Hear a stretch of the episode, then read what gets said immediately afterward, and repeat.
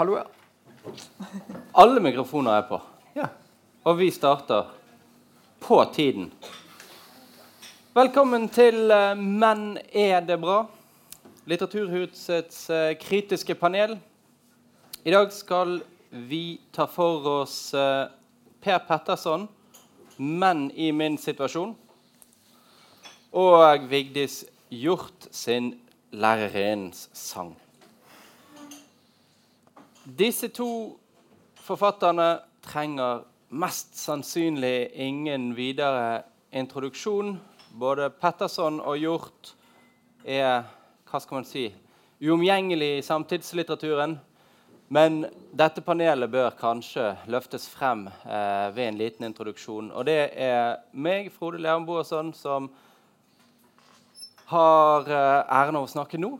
Og jeg jobber på NTNU sammen med Ingvild Sjørholt, Tatjana Samilov og Kristoffer Messelt. Vi jobber alle sammen eh, med litteraturvitenskap, litteratur i, eh, på universitetet. Og i kveld så er vi altså et kritisk panel. Vi skal forsøke å løfte frem disse to bøkene, hva de handler om, og selvfølgelig stille spørsmålet 'Men er det bra?'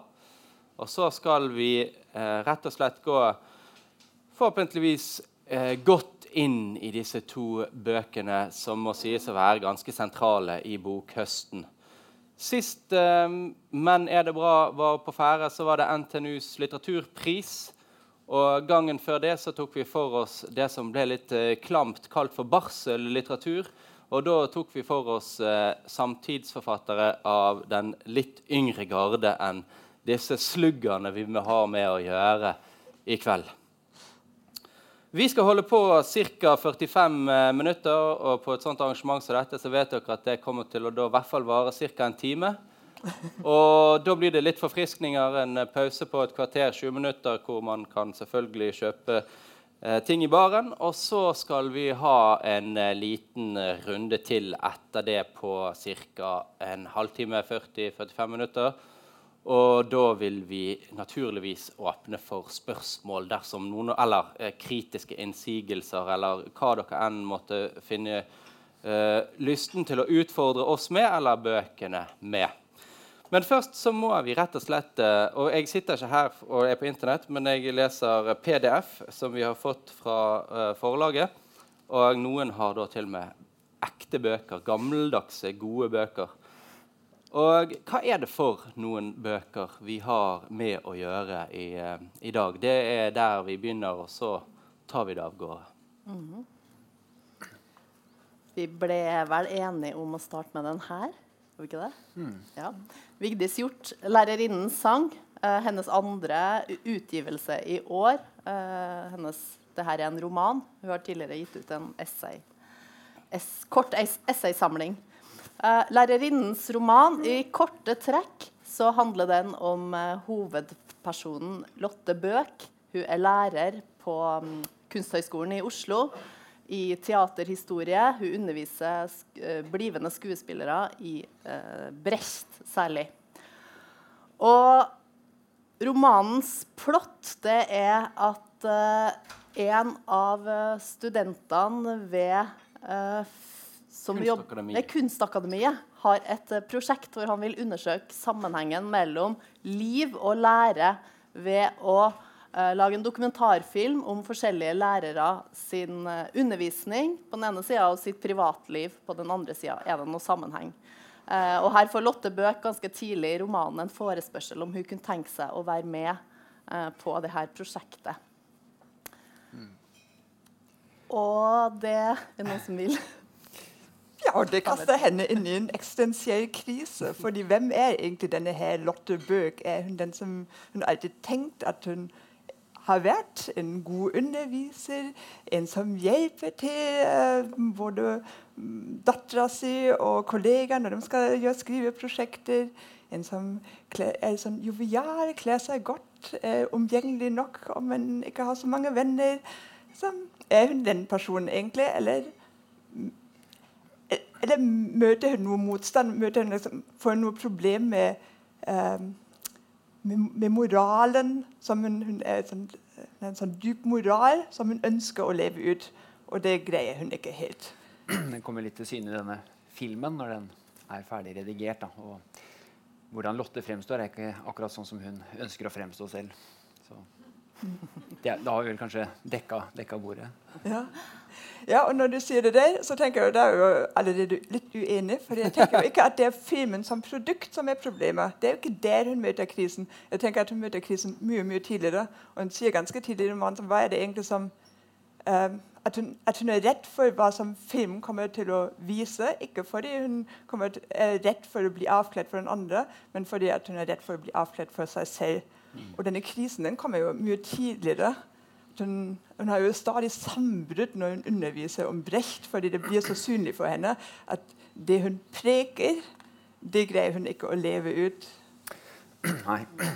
Og sånn... Eh Altså, det, hele en, eh, en, foreleser som har gjort dette år ut og år inn, virker det som. Med de samme, eh, ikke de samme studentene, selvfølgelig, men den samme situasjonen. Nå skal jeg ta dere gjennom Brecht. Han er politisk eh, forfatter som vi burde eh, lære mer av enn vi gjør. I dagens Norge. Vi har det godt, men eh, her er det et eh, klart politisk budskap. Vi må endre våre liv. Og dere kjære studenter, ser ikke ut til å forstå det. Dere må begynne å innse hva Brecht egentlig handler om. Og det må eh, også Lotte Bøck. Det blir tydeligere og tydeligere for henne her. Og det er på en måte prosjektet med denne hva skal man si, middelaldrende eh, lærerinnen eller foreleseren som blir eh, utfordret i møte med kunststudenten Tage Bast som skal lage film da, om lærerne. Som selvfølgelig etter hvert begynner vi å mistenke som leser at dette handler egentlig ikke så mye om de andre lærerne, men mye om Lotte Bøck. Som, eh, og, og, denne boken forfølger hun da, eh, og Tage Bast og alle hennes refleksjoner om det å bli objekt for hans linse.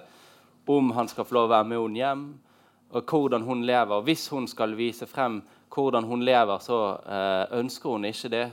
Og heller gjør en hel rekke ting som hun egentlig ikke til vanlig gjør. For han kommer jo og skal filme hennes liv, og da vil hun heller gjøre litt andre ting enn ta han inn eh, i huset hvor hun mener det er altfor privat. Um, og prosjektet skrider jo frem på en veldig sånn, hva skal man si, eh, rett, rett frem måte. Dette begynner med begynnelsen og slutter etter etter eh, filmen er over, hun har vært på premieren, og hun endrer sitt liv og drar til Eller krisen fører hun til Hellas og, og eh, mottak av flyktninger. Eh, sikkert satt til altså, 2015-2016 en eller annen gang. Og hun drar ned og eh, sorterer sko i Hellas. Eh, og så kommer hun tilbake igjen, og der er vi da. Eh, hva skjer når hun skal tilbake på Kunsthøgskolen? det er eh, vi veldig usikre på. Eller er vi det, det ligger et sånn frampek da, til Lotte sin eh, reise. Eh, sin både hennes krise enn hennes flere kriser. Vi er ikke helt enige om hva som egentlig er krisen. Men krisene og reisen ganske i starten av boka, hvor hun refererer til noen av hennes jevnaldrende venninner som drar til Hellas med dråpen i havet for å jobbe med flyktninger. Uh, og så kommer de tilbake etter et par uker og fortsetter livet som før. Uh, og sånn som romanen slutter, så kan man også tenke at det er kanskje det som også er tilfellet uh, for Lotte Bøk. samtidig så er det noe med den krisen som hun gjennomlever, som gjør at hvert fall jeg tenker at den er en dypt eksistensiell krise som hun ikke nødvendigvis uh, uh, At denne livsendringa som, som, reisen til Hellas, hvor hun ikke jobber i flyktningleirene, men hun jobber sånn som uh, coveret viser, hun jobber med å sortere sko.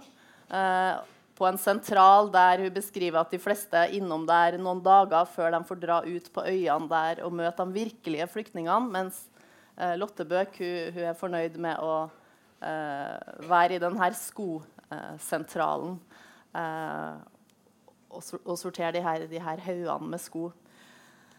Um, det, er vel, det er jo fint eh, kanskje å koble på der med at, Brecht vil jo gjerne at vi skal endre våre liv. Vi, vi må se vi må, vi, må, vi må, se hva som foregår rundt oss. Og Hjort skriver jo tidlig at uh, eller Fortelleren sier at er, vi lever i et, uh, lever et Norge som, som, har vært i krig. Eh, og, og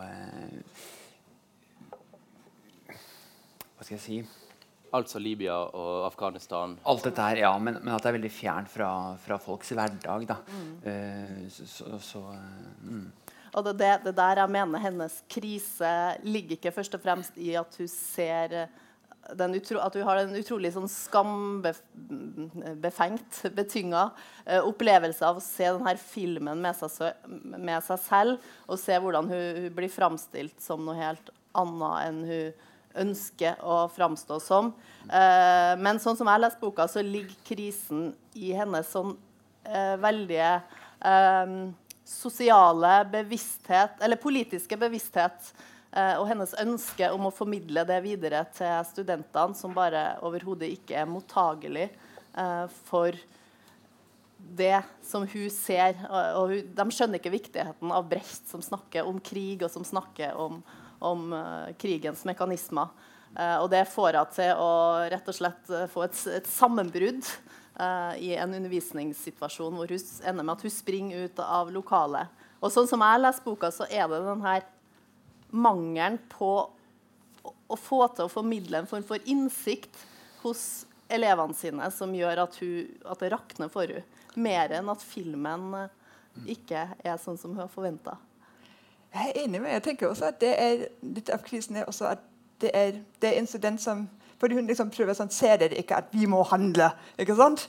Um, men så sier det incident sånn, ja, sånn designert Men det er uløselig. Og det er dette uløselige at det er ikke mulig mm. å handle sånn som verden er skrudd sammen. Mm. Jeg lurte på om jeg skulle lese en sånn liten, lite, utdrag fra boka ganske tidlig i boka, som viser litt sånn dette Brecht-engasjementet og litt om dette politiske engasjementet. Uh, for Apropos krig og sånt. Uh, det kjentes ikke som om landet hennes, Norge, var i krig. Folk visste at det var det på en måte. Lotte visste det svært godt, for hun holdt jevnlig forelesningsrekke om Bertolt Brechts dramatikk, og ingen som underviser i Bertolt Brechts dramatikk, kan unngå å forstå at uttrykk som humanitær aksjon til fremme for menneskerettigheter ofte blir brukt for å dekke over det, at det var snakk om krig. Regjeringene skriver fredsavtaler, lille mann skriver testamentet. Skriv testament. Den forblir ikke naiv i synet på internasjonale konflikter, som i flere år har undervist i Brechts litteratur. Og Likevel kjente ikke Lotte krigen på kroppen. Det var nettopp det. Hun kjente den ikke på kroppen. Hun stanset og kjente etter. Nei, hun kjente ikke krigen på kroppen. Ville det forandret noe om hun kjente krigen på kroppen? Antagelig ikke. Men hvis mange mange, hvis hundretusener av nordmenn kjente krigene på kroppen, ville de kanskje tatt til gatene og krevd at krigene ble stanset umiddelbart og med et annet engasjement og en annen desperasjon enn den hun og enkelte av studentene hennes la for dagen når de av og til så seg nødt til å protestere mot krigene i et leseinnlegg eller en 1. mai-tog. Og dette er jo denne filmen skal avdekke liv og lære, eller undervisning og liv. Og hun lever jo, eh, har et flott hus som hun kjøpte av en mann som hun trodde var død, men som viser seg å være en alkoholiker som hun da ender opp med å kjøpe mange flasker. For han skjønner hvem hun er, at hun bor i hans hus. Og Derfor står han akkurat rett foran polet som hun må gå forbi på vei til Kunsthøgskolen. Så hun klarer ikke liksom, man vet at han gikk konkurs, han gikk for, altså, liksom han, så da går hun inn og kjøper til han. Og det er den endringen hun gjør. da, eh, Fører sprit til han, og ellers så foreleser hun over Brecht og skjønner at uh, det er det som denne filmen på en måte avdekker. Og prosjektet er nok som dere sier, vi, må, vi skal gå inn på hva, hva er nå denne krisen. Men i møte med denne studenten som skal lage film om hun og liv og undervisning, så blir hun konfrontert med at altså, ja, her underviser jeg i eh, en type dramatikk som krever endring. Eh, lever jeg opp til det? Vel, jeg tar med meg denne filmskaperen ut i skogen og plukker eh, sopp og viser han at jeg kan uh, drikke Bordeaux og, og, og, og, undervise om Brecht og si, så skjønner jo hun at dette her Allerede der så begynner hun å forstå at dette, liksom, det jeg gjør eh, Jeg kan ikke de andre til å endre sine liv når jeg holder på på denne måten. Eh, og, og, der på en måte begynner hun å reflektere og møter seg sjøl veldig tydelig. Hva, hva, hva, må, hva, må, til? Og der er da Hannes, hva skal si, Denne kunststudentens prosjekt sender hun ut i en sånn selvransakelsesprosess. Eh, så filmen hans, da, eksamensoppgaven hans, den, den kommer på side 167. Og så er det jo eh, 50 sider til. sånn at det, det, er liksom ikke det som er klimakset. Det bygger seg opp, og så Hva, hva skal vi gjøre hvis uh, altså hva, hva, skjer når denne filmen For den blir jo selvfølgelig tatt veldig godt imot. altså Den kunststudenten har jo dessverre for Lotte Bøk på mange måter uh, klart å fange henne som person. At hun sitter der og drikker, og koser seg og snakker om at alle må forstå revolusjonen mens hun, hun koser seg med sin Bordeaux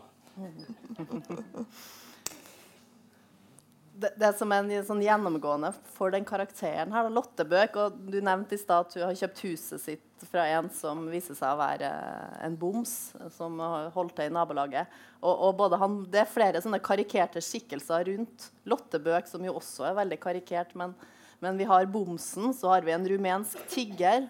Og så har vi hennes nærmeste dattera, som bor i Australia. Uh, og så har vi uh, en, en, en, en, alliert på kontoret? En alliert på kontoret og en venninne som er litt sånne, eller som er veldig, i veldig stor grad bipersoner som, som hun, hun, interagerer med, men som hun har lite sånn virkelig kontakt med. Så Tage Bast som filmer. Og Tage Bast som filmer, ikke minst. Mm. Men, men det, helt fra starten av så er det Og det er også den type bekreftelse hun gir andre, og den bekreftelsen hun får av andre går på at hun er en som er flink med ord. Hun er en språkets kvinne. Og det er også noe med den eh, selvoppfattelsen som rakner med, med filmen, og som, som leder ut i en sånn språkløs undersøkelse eh, i, i, Hellas her. da. Hun blir jo stilt på, på, prøve noen ganger når hun skal vise at hun er god med ord. Eh, og det er jo ganske klisjé. Altså. Dattera står opp, midt oppi en, en, en skilsmisse, og så kan du ikke bare Eh, hjelpe meg. Altså, Lotte bare trutt, trutt, trutt, Og så er det liksom alt i orden. Og så er det veldig klisjé. Ja. Hun er ikke akkurat noen språkets Nei. Hæ? Skal ikke Lotte Bøke språkets mester? Det er jo eh, helt klart at hun er. En annen ting å koble på er dette som du sa med, med altruismen. Altså, hun, eh, hun, hun, støter på denne bomsen, som man kaller den, eh, og kjøper, kjøper gammeldansk. Og hun betaler sin sin eh, medlemskap i Naturvernforbundet. Og det er en rekke sånne eh, litt sånn eh, avlatsmessige Hun gir liksom regelmessig til denne tiggeren. Og, eh, men hun klarer liksom ikke å gjøre det ordentlig. Det blir en sånn litt sånn karikert over det. Ja, det er et sånt image. Og det, er sånn, og det vi snakka litt om det sånn, da vi spiste her, at det, når hun introduseres, så, så messes det om at det er Lottebøk som vi ser det som alltid får etter etternavn. Og det er en enorm sånn, uh, ironisk distanse til denne Lotte Bøk-karakteren, særlig i starten. da. Mm. Og liksom alle disse tingene som hun gjør, dem er jo litt sånn tilgjort. Og det er et sånt image som gjør at hun, hun er jo også utrolig selvtilfreds. Hun er jo så fornøyd med seg selv som underviser. Og hun ser tilbake til liksom, ja, hva er det han er filmet sånn? Ja, nei, Hun var stolt over undervisningen sin. Det var liksom alle folk var kjempebra. Og så er hun så fornøyd når hun kan hjelpe dattera. Da, ah, da, sover hun godt. Litt sånn litt urolig før, men sånn, ah, da, da, føler hun seg godt. Dattera er i en sånn liten livskrise, men hun føler seg godt, for hun kunne ha hjulpet.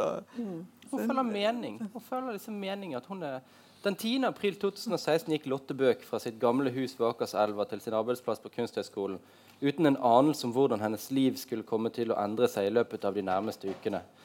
Og det pga. noe som for andre muligens ville kunne fortone seg som tilfeldigheter. Hun spaserte ned Blåmannsgata mens sola sto høyt på den blå aprilhimmelen. Hun hadde på seg en snekkerbukse, et plagg noen kanskje ville mene var overmodig å bære av en kvinne på 57 år. Men hun holdt seg godt. Hun var lett på foten og i kroppen, noe hun mente måtte være viktigere enn om hun hadde noen rynker i pannen. Å kunne snu seg fort rundt eller løpe etter bussen hvis man ikke, som Lotte Bøk, var så heldig å ha et hus så sentralt beliggende at hun sjelden behøvde å ta buss. Sånn, øh, Det er bare Vigdis gjort. Hun bare altså, Det er nesten som du lurer på om hun har satt seg ned og bare skrevet dette i ett. For det, det flyter sånn. Lotte Bøk, Lotte Bøk eh, og kunne snu seg fort. Hun spaserte til Kunsthøgskolen. Hun hadde et sentralt beliggende hus og en rask og frimodig gange. og mot til å gå i snekkerbukse. Ikke ulikt den Meryl Streep har på seg i filmen 'Mamma Mia' når hun pusser opp sitt greske pensjonat uten å vite at mannen i hennes liv er på vei. Og Det er liksom florlett prosa. Stilen bare eh, Selv om du liksom skjønner her er det det her kommer til å bli, eh, som alltid hos Vigdis Hjorth, eh, grave dypere, så er det noe med at hun det bare flyter så utrolig enkelt av gårde. Og du blir jo veldig, altså hvis, du blir veldig nettopp det med om hun er både hun og på en måte boken det er ordets mester. Det, er, det flyter veldig fint, men hva, hvor er det det altså, hvor dypt lodder det? Og da kan vi kanskje liksom denne krisen som vi nå har nevnt, altså, hva, er det egentlig for, hva er det egentlig som skjer med Lotte Bøk når hun blir eh, konfrontert med en eh, kameralinse som ikke er språklig, og som skal liksom ta opp undervisningen hennes, filme henne etter undervisningen. Hva er det egentlig det, det prosjektet konfronterer hun med? Mm. Jeg må bare kommentere det før vi går inn på denne krisen. For jeg syns den begynnelsen her eh, Første sida, som slutter da med en referanse til Meryl Streep og mamma Mia. Eh, og som du sier, at det er sånn, det er en prosa som glir. Så, så det er en sånn page-turner i den forstand at det er en bok som er veldig lett å lese. Uh, og så er jo det også en, eller, både et forfatterskap og en bok som gjerne blir behandla som litt lett og som mellomlitterært. Eh, men jeg syns det er noe sånn veldig suverent og veldig eh, flott over å kunne ta den der populærkulturelle referansen og liksom sette standarden på første side. Her er det Meryl Streep og Mamma Mia som er inngangen. Altså, hvis du ikke hadde vært Vigdis Hjorth, eller kanskje han Ørstavik altså, Hun ville aldri skrevet det, men altså, en, ung, en, ung, forfatter kunne aldri kommet unna med å ha skrevet eh, det. Og det passer fint. Det er jo, det er jo Meryl Streep, 57 år gammel dame som forholder seg til hva 57 år gamle damer har sett på kino de siste fem årene. Det er litt som å, jeg, jeg tenkte da jeg leste at det er litt som å se en film. Sånn, den fabelaktige Amelie fra Montmartre, hvor det er en sånn voiceover som liksom bare kjører på med noen sånne typiske klisjeer. Og, noe, sånn skal du forstå at sånn, sånn er det hos Lotte. Eh, men ikke så lenge. Mm. Hva er krisen? Hvorfor blir det krise i boken? Altså Lottebøk, hva, hva er det egentlig det, altså hvis, hvis, vi skal si at boken tross Vi skal jo gå inn på dette når vi kommer til til uh, Petterson og begynne å sammenligne litt mer. Men altså, før vi løfter frem uh, Petterson her, så må vi jo si at det er en florlett prosa. Samtidig så lodder den jo mye dypere enn jeg egentlig begynte å undre meg over når jeg leste. Altså, det er jo en genuin eksistensiell uh, problemstilling som ligger under her. Mm. Og som Lottebøk som, jo, altså, som jo kan gjort klarere å skrive frem også. Du rister sånn noenlunde Ja, tror vi på det? Altså, men vi kan kanskje vente litt med det. Um. Jeg har et sånt krisested. Skal jeg lese et utdrag til, eller? Er det blir for mye lesing? Les et utdrag til. Okay. Altså, han har begynt å filme, og det går sånn inn på henne. Det, liksom, det spiser henne opp. Åh, hvorfor kunne, hvorfor kunne hun ikke gi faen fordi, fordi, hun åpenbart fryktet at hun løy for seg selv, og at nå skulle selvringen komme for dagen. Det var ikke først og fremst det at studentene de ansatte på Kunsthøgskolen finner film om henne uinteressant. Hun fryktet, forsto hun, selv om det sikkert kunne være ubehagelig nok å bli framstilt som politisk korrekt og kjedelig og rett og slett konvensjonell. Hun fryktet at hun skulle forstå noe om seg selv som ville måtte få konsekvenser. At hennes selvinnbillinger skulle avsløres, ikke for andre, men for henne selv. Og bare det at hun fryktet dette, var et slags bevis på at selvinnbildingseksistens, på selvinnbildingseksistens. Hva bestod de i? Og det tenker jeg at hun er veldig sånn Det sier hun, det. Uh, hva, som er krisen, hva som er hennes frykt. Og det er jo akkurat det som skjer. At hun er nødt til å avkle seg selv og, og ta konsekvenser av det. Og revolusjonere seg selv. da. Altså, Kameraet gjør at hun begynner å se seg sjøl utenfra. Hvordan ser de andre meg? Mm. Så har jo han her Hag, eh, Tage Bast. Bok, det, filmen, filmen, kommer selvfølgelig til å hete 'Bastet og bundet'. Eh, Bøk og Brecht. eh, ja, altså, det var det, det navnet Tage Bast. Men ja. Det er bare fordi at det heter 'Bastet og bundet'. Men. et sentralt element i denne filmen det er en sånn kryssklipping mellom Eh, for det er noen scener både, Det er både filma i skogen og det er filma nede ved elva. og ja, Litt forskjellige uh, opptakssteder for denne filmen. Uh, og det er filma både en and og en hare. Og det er en sånn hare-and-krysning som gjøres, som peker på det her bildet som jeg tror mange har sett, og som det fins litt forskjellige varianter av. Hvor du i det ene øyeblikket så ser du en hare, og i det neste så ser du en and. Men du klarer ikke å se begge to samtidig. Det fins også et sånn tilsvarende kjent bilde hvor det ene er ansiktet til Freud, og det andre er en naken dame. Eh, hvor, hvor eh, poenget er at det er eh, konteksten som er avgjørende for, hvor, for hva du ser. I den, I den, filmen her så er det et sånt viktig eh, Den begynner med det, sant? Filmen om Lotte Bøk begynner med en sånn and-hare-figur. Mm. Mm. Og, den, og, det tenker jeg er en sånn Og det er jo også ganske sånn eh, klisjéaktig og enkelt og banalt poeng i filmen. Eh, men jeg tenker på at den peker på noe av det som jeg ser på som undersøkelses, altså hva som undersøkes her, da, i tillegg til det, det ganske sånn lettfattelige plottet. Uh, at det har å gjøre med hvordan Og da, der tenker jeg at Brecht er veldig viktig. da, uh, hvor Det som Brecht uh, kobles til i litteraturhistorien fremfor, fremfor, noe annet, eller i teaterhistorien, det er fremmedgjøringseffekten. Det å plutselig bryte av noe og gjøre obs på at det du ser, er en, en illusjon. Altså Et kunststykke når man skal leve seg inn i, det er noe som man skal være veldig bevisst på at det man ser, er, uh, er kunst, er diktning.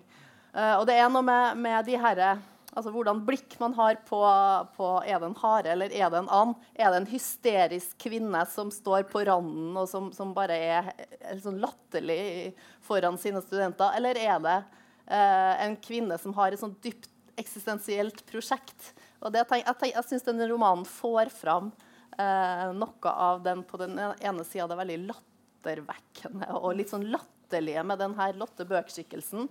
Eh, samtidig som det skrives med en At det ligger en sånn undertone der hvor vi hvor i hvert fall sånn som jeg leste, eh, får en eh, det ligger en erkjennelse her i det, da, i at det er noe som er, står på spill, som er veldig viktig da, for, eh, for Lotte Bøk. Mm. Hele hennes undervisning går jo nettopp ut på at studentene skal leve seg inn i karakterene. Hun, hun, sånn, hun får de til å dramatisere. De, de, hele undervisningen hennes går ut på at hun, de skal leve seg inn og forstå. Mens Brecht jo har på en måte liksom, Dere skal ikke leve dere inn. Nå, nå bryter vi illusjonen. Og det settes jo eh, i, i, spill her. Og denne filmen blir selvfølgelig plukket opp ut i pressen og blir løftet frem som 'se hva de driver med på Kunsthøgskolen'. Eh, se på disse undervisningsmetodene. Og fordi at hun på et tidspunkt blir så uh, irritert på sine studenter som ikke skjønner noen ting, og som hun syns er ganske eh, Hva skal man si? Ja, hun har ikke veldig høyt inntrykk av sine studenter. Og på et eller annet tidspunkt så, så bare Nå gidder jeg ikke mer. Disse folkene skjønner ingenting. Og nå ett begynner hun å forstå det, ser hun det kameraet, og så løper hun ut. som du snakket om. Og da på en måte, Det filmer jo sikkert, det, det, blir jo selvfølgelig med på denne filmen her. Og så finner hun henne igjen når hun sitter og drikker øl rett etterpå. Så har han klippet denne på en måte som må se ganske drikkfeldig ut på denne filmen. Eh, og, og så, så måtte, sånn, sånn, underviser de på Kunsthøgskolen. Og det blir plukket opp, og til og med datteren i, i Sydney får dette med seg og ringer hjem. og da liksom, Nå er det nok. Nå, nå må jeg endre eh, livet. Så det, det, kommer jo en sånn klar og tydelig um, undertone eh, hvor det virkelig løfter frem de eksistensielle. Mens i Petterson, som vi bør gå over til, der eh, hvert fall, der er ikke, der er ikke noe undertone. Der er det eksistensen løftes frem helt med en gang. Mm. Det er ikke noe snekkerbukser der. Nei, det Skal vi gå over til den med en gang?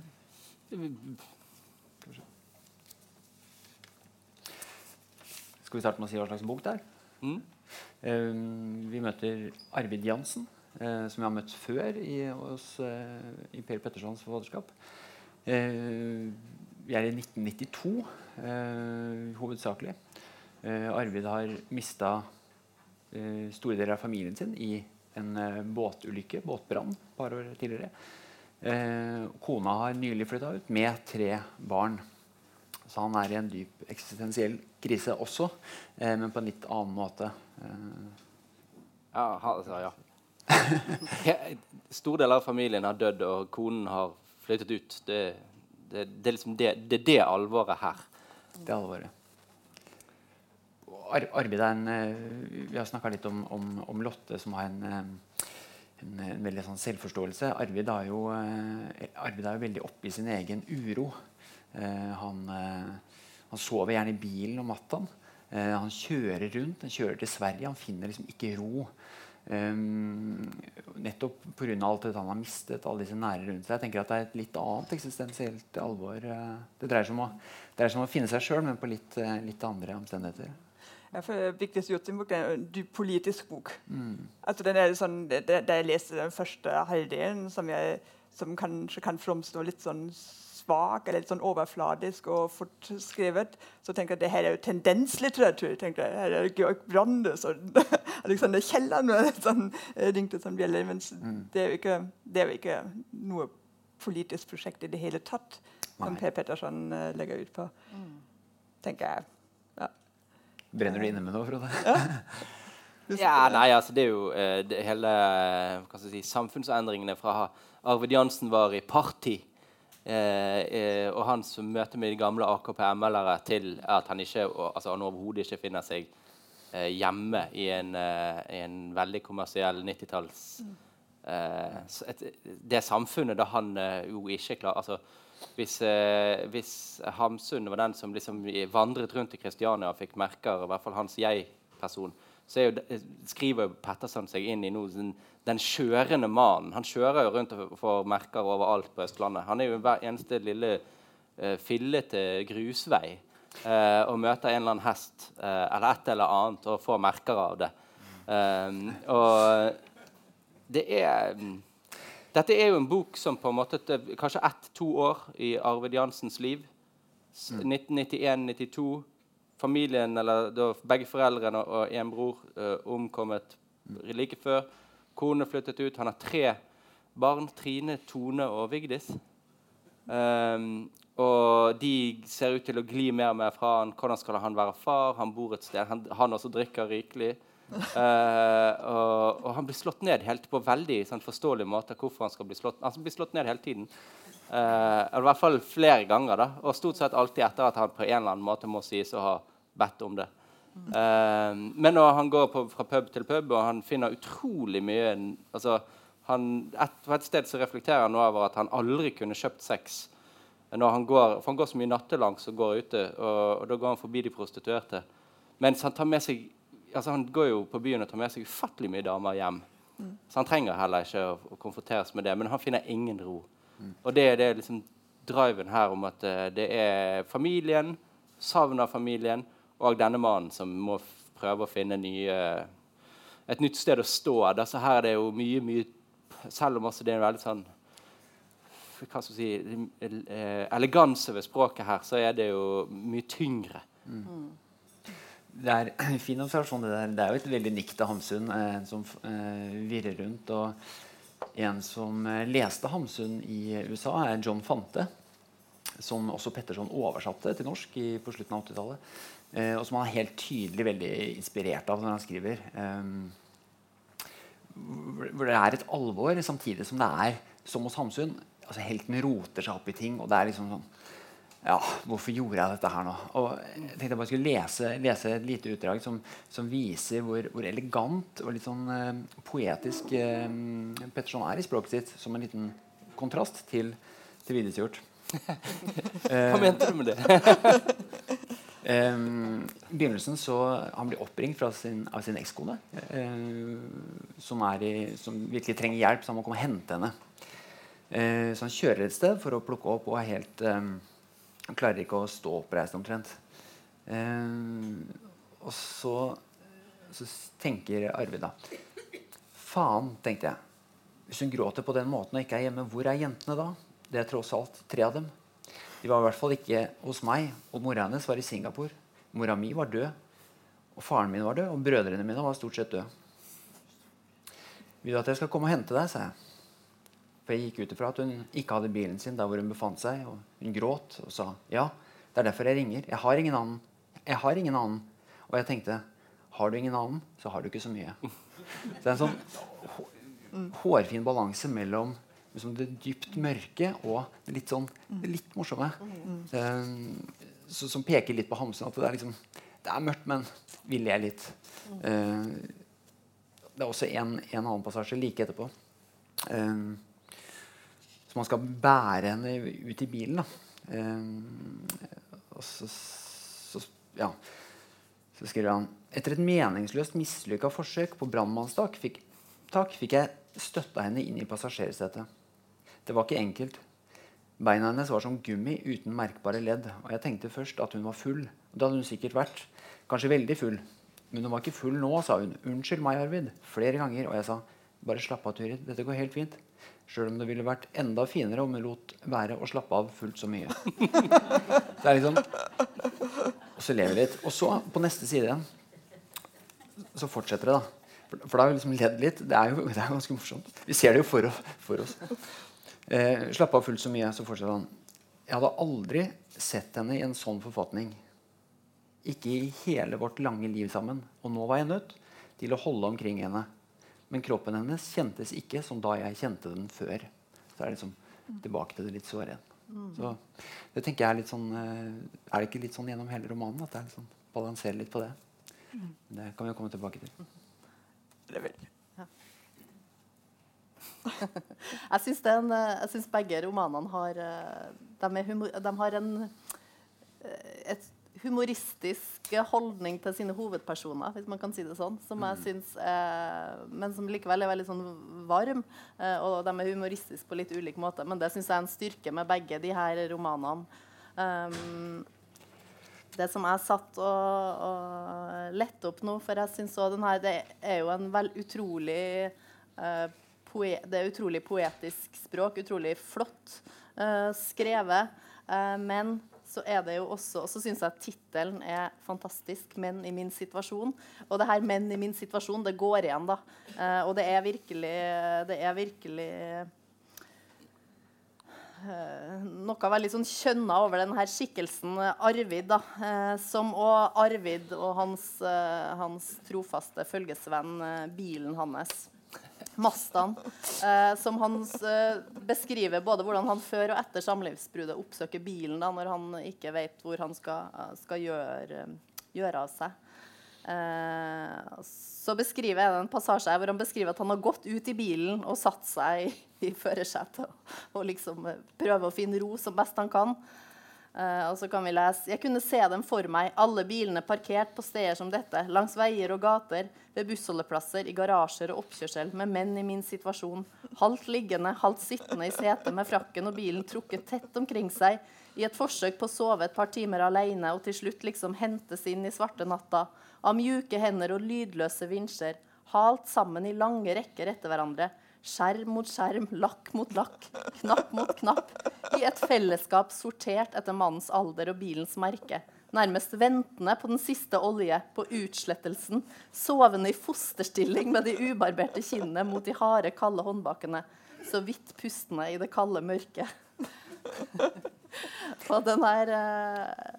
Jeg lo ikke så mye da jeg leste den, må jeg innrømme. Jeg, det er jo... Uh den er jo veldig morsom. Jeg lo innimellom. Det er noe med at alvoret er så utrolig tungt. Mm. Men det, jeg syns det er noe med den herre um, posisjonen han Arvid stadig fordi at han, han, Det er jo som dere sier, at han er urolig, han, han, og han skal finne fotfeste etter å ha mista selve grunnen for, for uh, sin eksistens. Men han, han får jo han har jo stadig vekk sånne Han kommer aldri i kontakt. da, Han liksom i, han er i den her bilen sin. Mm. Uh, og så er det både Har han det ene litt mer og mindre skjellsettende møtet med forskjellige uh, kvinner rundt seg som, uh, som ikke heller som, som, kanskje mer støter en ut i mm. en enda dypere kulde enn han, enn han først var i. Han får på et tidspunkt uh, en telefon fra døtrene som ikke vil ha kontakt med han, f.eks.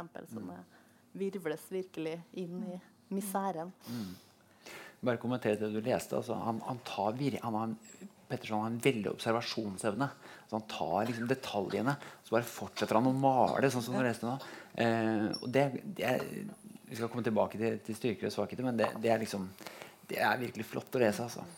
Jeg. Ja, det er utrolig fint. og det er jo, det er jo, Utgangspunktet er jo en, en søndag i september, ett år etter at Tor Turid har flytta ut. Uh, og så er liksom det som er hovedhandlinga som man kommer tilbake til hele tida, så er det masse masse tilbakeblikk.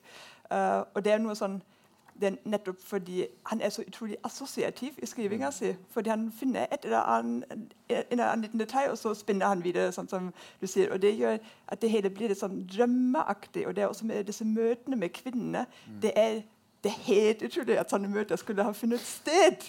At han møter en kvinne ved kaia. Er det tåke, kanskje? Og så, så, tror han at hun skal ta sitt liv, og så redder han henne. Fantastisk. Så, helt fantastisk. Og så, uh, så står de der og snakker, og så sier kanskje du bare skal kysse meg. Ja, da må han bare kysse henne. Det, det, er helt sånn utrolige ting som skjer med ham. Og det er noe sånn, sånn drømmeaktig ved det som jeg tror er ganske typisk for en sånn dyp livskrise og en dyp sorg. At, nett, liksom, at det er veldig urealistisk. Og når han vennen hans ringer, så sier han også noe at det, alt er veldig uklart for meg. Det er veldig uklart for meg hva som har skjedd. Mm. Det er som en dis, og det, og det syns han skriver veldig flott fram. Eh, gjennom dette poetiske, assosiative språket. Mm. Han, eh, han, eh, han, leter jo virkelig etter et språk for å finne liksom, eh, For å sette ord på den erfaringen som har skjedd med han. da. og eh, Han kommenterer jo et sted eh, at Dagsrevyen sier at altså de, de, tar liksom at han har, mist, han, han har mista sine kjære. er ikke det de sier? Han kjenner liksom på at men det er, ikke, det er ikke det som har skjedd. eller han blir sånn frastjålet sin egen mulighet til å finne, finne språk for dette. Mm. Um, han, han, han, famler veldig for å, for å sette ord på, på, sorg, rett og slett. Mm. Uh, og det synes jeg han, fa, altså, Famlinga er kanskje mer viktig enn å komme fram. Da. Så, så dette med det drømmeaktige syns jeg er veldig godt. Det fungerer fint og det med sånn den uh, letinga etter språk, og det er også veldig humoristisk. for jeg synes Det var helt fantastisk hvordan han beskrev Tudits uh, forsvinning her. Uh, for det er liksom alt er etter Tudit, spesielt i begynnelsen. så Kort tid etter Tudits utmarsj, Tudits farvel, Tudits bortfall, Tudits abdisering, Tudits sorti. Sånne fantastiske variasjoner og hvordan Ja, og så har vi jo, altså, Dette er jo Arvid Jansen, som vi kjenner til fra tidligere forfatterskapet. Og eh, 'Jeg forbanna tidens elv' tar for seg Arvid Jansens liv eh, rett før de skal skilles. Eh, og før, eh, eller før ulykken. Og eh, Jansen, eh, moren til Jansen, som han har en ekstremt tett binding til, som er dansk, skal reise, reise, til Danmark. og Det viser seg at hun har fått en sykdom, og han, ikke, han skal liksom hjelpe til å skjønne ikke at moren bare vil ha han vekk. Eh, nå vil hun være for seg sjøl. Um, ehm, og da, altså, da, stikker han jo bare fra barna og konen. og altså, boken, hvis, du, hvis, du, har lest den boken før du leser denne, da, så vet jo du at liksom, Turids sorti, Turids farvel kanskje ikke er helt sånn komme ut av det blå. da. Uh, denne arvediansen kan umulig være sånn veldig veldig enkel å leve med. Det skjønner vi jo av dette òg. Altså, han sover i bi, altså, og at han har gjort det lenge. Naboene hans sånn ja, ja. Eh, kan være Fru Jondal. Å, fru Jondal er en fantastisk skikkelse. Men hun eh, liksom kommer med en kake, og han tenker hm, er det bare en kake, eller vil hun ligge med meg? Det var bare en kake. Men så ligger han med henne etterpå. da. Men i alle fall, uh, og da, når hun går ut, så sier hun liksom Føler du deg oppmuntret nå, Jansen? Du er en gutt, eller noe sånt. Og han bare Gutt? Jeg Ja, men han var veldig mye mer oppmuntret. så nå kunne han liksom ha, ha det fint. Men han er jo klart altså, sånn Ture Sorti han er jo, en, han er jo åpenbart en håpløs ektemann. Men det eh, Petterson skriver frem, er jo en veldig sånn desperat En sånn veldig sånn stille, melankolsk machomann. Eh, sårhet ved det å prøve å være far. Mm. Eh, for han, Når ungene ringer og sier sånn Ja, pappa Det er hun eldste, da. Vigdis, som får, selvfølgelig får det, sånn som alle skilsmissebarn får. Liksom. Det er alltid den eldste som må ta støyten, ringe til pappa og si at det passer litt dårlig å være med deg i julen. Så hun må jo på en måte gjøre det. Og da sier han jo bare Ja, det var dumt. Det var dumt. Ja ja, vi ses. Eh, han klarer jo ikke å si eh, det kan du bare glemme. og Hvis mora di har sagt dette, så jeg kommer og henter dere, vi skal være sammen i julen. Han sier jo ikke det. Han gjør ingenting sånt. Han bare Ja, ja, nei, det var dumt. Og hver, neste gang de ringer, så, sier, så kommer han jo hentende. Han, han gjør jo alt. Han bare tar ingen initiativ. Så det er jo opplagt at du som leser skjønner at liksom, dette er verdens dårligste far, men han vil så vel. Eh, men han bare får det ikke til. Det han gjør, er å gå uh, ut og, og drikke med, med andre. Og da er det så, å, å, å finne mange gamle kjente og mange andre ukjente som han på en måte prøver å finne ut av det med. Men han vet. Han er altfor smart til å, til å ikke innse at liksom, han er jo på ville veier. da. Og så ringer gamle kameraten hans Audun og sier sånn 'Hvordan går det med deg? Går det bra?' Så later han liksom et par setninger om at det sånn, 'Ja da, det går helt fint.' Og så sier Audun 'Jeg har ikke hørt fra deg på fem måneder'. Og så sier han ah, OK. Og så snakker de sammen. Og da liksom de to mennene sitter med hvert sitt glass, og uh, han forteller uh, Bare legger ut. Og så drikker Audun selvfølgelig Pepsi mens han drikker vin, da, men heldigvis ikke brennevin. Altså, eh, er det på en måte det, det er sånn du kommer ikke unna selvfølgelig At uh, Lotte Bøck er kvinne, og at uh, Arvid Jansen er mann, det er naturligvis skjønnet. altså, de er jo det, det, det er menn i min situasjon. Men vi kan, eh, vi kan eh, begynne å, å, å nærme oss Men det klart at sånn, kritikerne her, da er det meg eh, interessant å se på. Altså, sant, mannlig kritiker 53 sier Herregud, dette her er helt utrolig bra. Dette er menn i min situasjon. Eh, eh, mens mannlig kritiker 53 sier Lotte Bøk angår meg ikke. Jeg skjønner ikke sånn, Det er klart det, det, er to bøker som skriker etter Eller som i alle fall påkaller veldig sånn Hvordan skal vi lese de? Eh, det, det på en måte kjønnsaspektet er Per Petterson har blitt diskutert om dette som macho-litteratur. Eh, hva det heter, sånn Skittenrealisme, amerikansk. altså Stilen, mens, eh, mens Vigdis Hjorth har blitt kalt genuint mellomlitterær. Sånn at vi har på en måte sånn, Skjønner du kategorier i, i utgangspunktet her. Eh, og det tror jeg er noe av det vi ser når vi holder akkurat disse to bøkene mot hverandre. Så blir det også veldig tydelig. Mm. Jeg tenker også når du, for det, det du refererte til i stad, det er at han, um, han ringer vennen sin. Det er mot slutten av romanen. Uh, og så sitter de og, og han venter mer og mindre tvinger fram en samtale, da, for det er veldig lite samtaler ellers i, i romanen.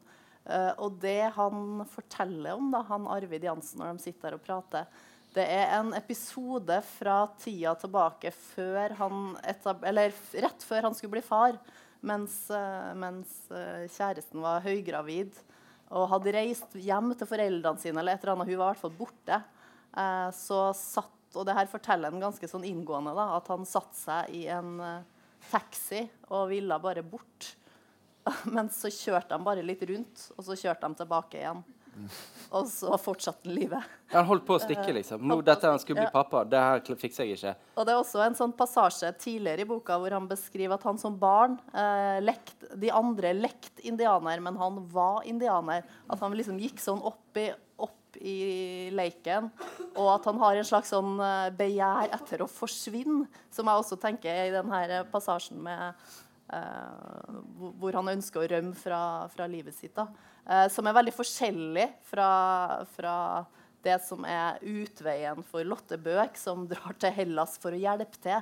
Så, så er liksom utslettelsen en, uh, veien ut for han her Arvid. Jeg syns den passasjen når vennen ringer, jeg synes den er så flott. Kan vi ikke lese den? Jeg syns den er så fin. Den viser noe av dette initiativløse som eh, du peker på. Um, og som liksom, jeg tenker noen ganger at Det er sånn som om livet skjer med ham. Han tar aldri noe initiativ, men det bare skjer, og da må han reagere sånn som han må reagere i den situasjonen. Men han kan ikke gjøre noe på en gang. Uh, men da har denne vennen der ringt. Og nå, med telefonen rød i hånda og Audun i den andre enden, kom jeg ikke på hva jeg skulle si. Jeg hadde glemt han. Det var litt spesielt. Men jeg hadde ikke gjort meg noen tanker om det. Ikke ennå. Hva skulle jeg tenke? Jeg hadde hatt det travelt, sa jeg. Det er nettopp det, sa Audun. Jeg har opptil flere vitner som sier at de, at de ser deg på byen. Ganske ofte, faktisk. Rundt omkring på badet og diverse etablissementer. Stort sett brisen. Alltid sammen med noen. Ja, med damer. Forskjellige damer hver gang. Det kan stemme, sa jeg. Det lyder kjent. Men det sier kanskje noe om vitnene dine også, gjør det ikke det? sa jeg. Det har du rett i, sa han. Du gjør jo det. Men hva er det du holder på med? Hva er det du driver med i livet ditt? Og jeg kunne for så vidt godt forstå at han spurte, og ble litt glad for det også, for han gjorde det av omsorg. Ingen andre vis med omsorg, unntatt Meddi Jondal, som kan hende fortsatt befant seg på Regnbuen med en sen dessert foran seg på bordet. Det var bare det at jeg ikke hadde lyst til å snakke om livet mitt. Og likevel, det var Audun. Så når han spurte, og jeg var kommet øh, på han igjen, og var så heldig at han har fått, har fått den tilbake fra glemselen, da måtte jeg jo svare. Det er en sånn fantastisk passasje. Det var også liksom disse lange setningene. Liksom sånn, åh, ja. Han er veldig god på å ha korte setninger, men når, liksom, når, når vi får disse kommasetningene, så eh, går det jo bare en halv side. Endelig noen som skriver liksom, med ordentlig lange setninger. Det er deilig. Skal vi um, rett og slett uh, ta en pause der før vi uh, borer litt dypere i sammenligningen og eventuelt de ulike prosjektene, og selvfølgelig om uh, de mer kritiske bemerkningene etter pause? Ja, okay. Kvarter 20 minutter, så alle får handlet og gjort det fornødne. Har alle nå fått det av gleder som pauser kan tilby? Det virker som vi begynner å bli det har i hvert fall gått noenlunde 20 minutter. Eh, og jeg er blitt gjort oppmerksom på at eh, vi eh, lager podkast her i kveld. Sånn at alle eh, er klar over at dersom de ønsker å stille eh, kritiske spørsmål eh, og eller utfordre panelet, så er det altså noe som vil bli tatt opp. Den slags må man gjøre oppmerksom på før det så skal vi eh, begynne å sirkle inn mer eh, ja, kritiker. Eh. Nå har vi vel fokusert mye på bøkene hver for seg og hvordan vi leser prosjektene i de. Og nå bør vi begynne å nærme oss mer ja, Hva er det nå vi mener om disse? Og det er jo en stund siden disse bøkene kom ut. Og um, for mange av oss eh, så Eller mange av oss leser Morgenbladet, og der ble begge disse bøkene anmeldt av den samme kritikeren, nemlig Erik Bjerk Hagen, som både er kritiker og professor eh, i litteraturvitenskap i Bergen. Og hans anmeldelse av Per Petterson uh, har følgende ingress. Setninger som står på spranget ut av seg selv.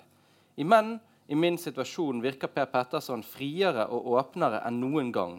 Romanen er et nytt høydepunkt i et forfatterskap som allerede har en sikker plass i vår moderne prosakanon. Uh, og så Samme anmelder uken før eller uken etter var det uken før. Drama med Lotte.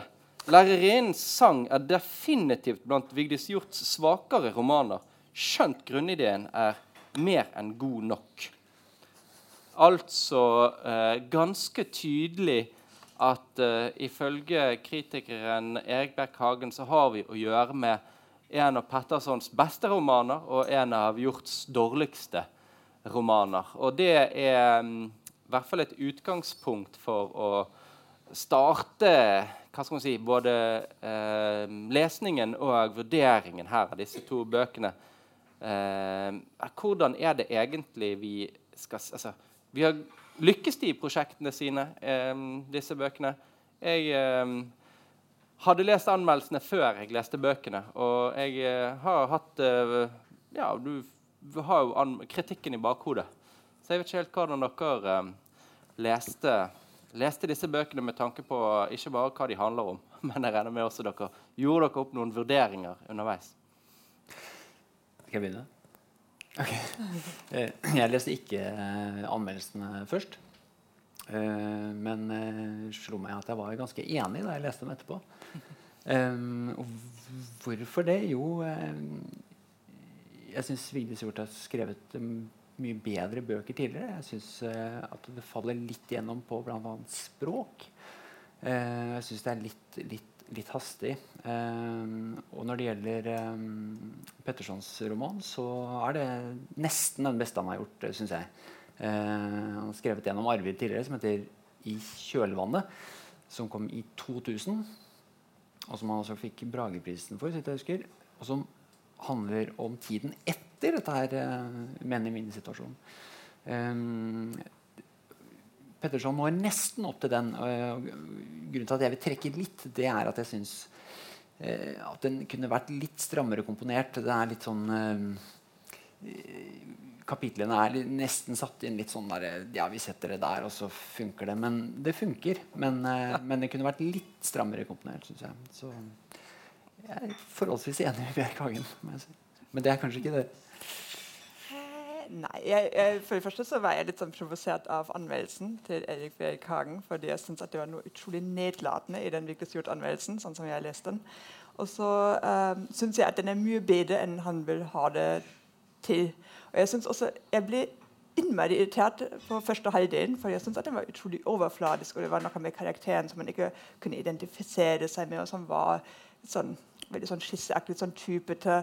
Um, og det var liksom og jeg, sånn som jeg sa tidligere, at jeg tenkte at det nesten var sånn tendensdiktning. At her messer hun for studentene om Bertolt Brecht, og hvordan man skal liksom, uh, bli politisk aktiv og ta et standpunkt og, uh, og uh, handle moralsk og sånt. og at jeg liksom oppfatter at hun også messer for oss lesere. Men så ca. halvveis så snur det jo. Og da syns jeg også at, at alt det overfladiske ved karakterbeskrivelsen snur, at vi kommer mye mer inn på uh, Lotte etter hvert. Uh, jeg syns at språket blir mer raffinert. Jeg syns at alt blir mer ikke, Det blir mye mer kunstnerisk etter hvert. Og så, så, trekker hun jo også alle trådene på slutten. Så jeg synes at den jeg tror liksom at alt det overfladiske i starten og det tendensdiktningsaktige at det er et bevisst formgrep. Det tror jeg også. Og da tenker jeg sånn at Da jeg leste den ferdig, så tenkte jeg sånn Jo, det syns jeg, jeg synes det var godt gjennomført. Mm. Men selvfølgelig lest opp mot arv og miljø. Ikke så vellykket. Og så tenker jeg også at selve prosjektet det har hun gjort før, sånn som i et norsk hus. Uh, synes jeg Det er noe av den samme grunnideen som hun prøver å, eller samme moralske budskapet som hun vil komme med. Mm. Men det, det, er også et prisverdig prosjekt, da, eh, så, vidt var innom, innom i stad. Som, som, kanskje er romanens forse. Den, den, den, kan, den kan liksom si noe som eh, på en litt annen måte enn det kan sies i Dagsrevyen. Og så kan skape en oppmerksomhet som kanskje tendensdiktningen eh, fortsatt har sin plass. Da, kan man kanskje si. Eh, så det, Sammen med den romanen som heter 'Leve postordene'. Altså det står noe på spill.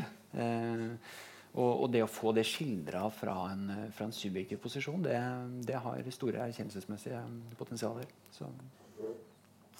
Jeg syns den har Jeg syns, den, jeg syns anmeldelsene er helt skandaløst urettferdig og kjønna uten å liksom være det bevisst.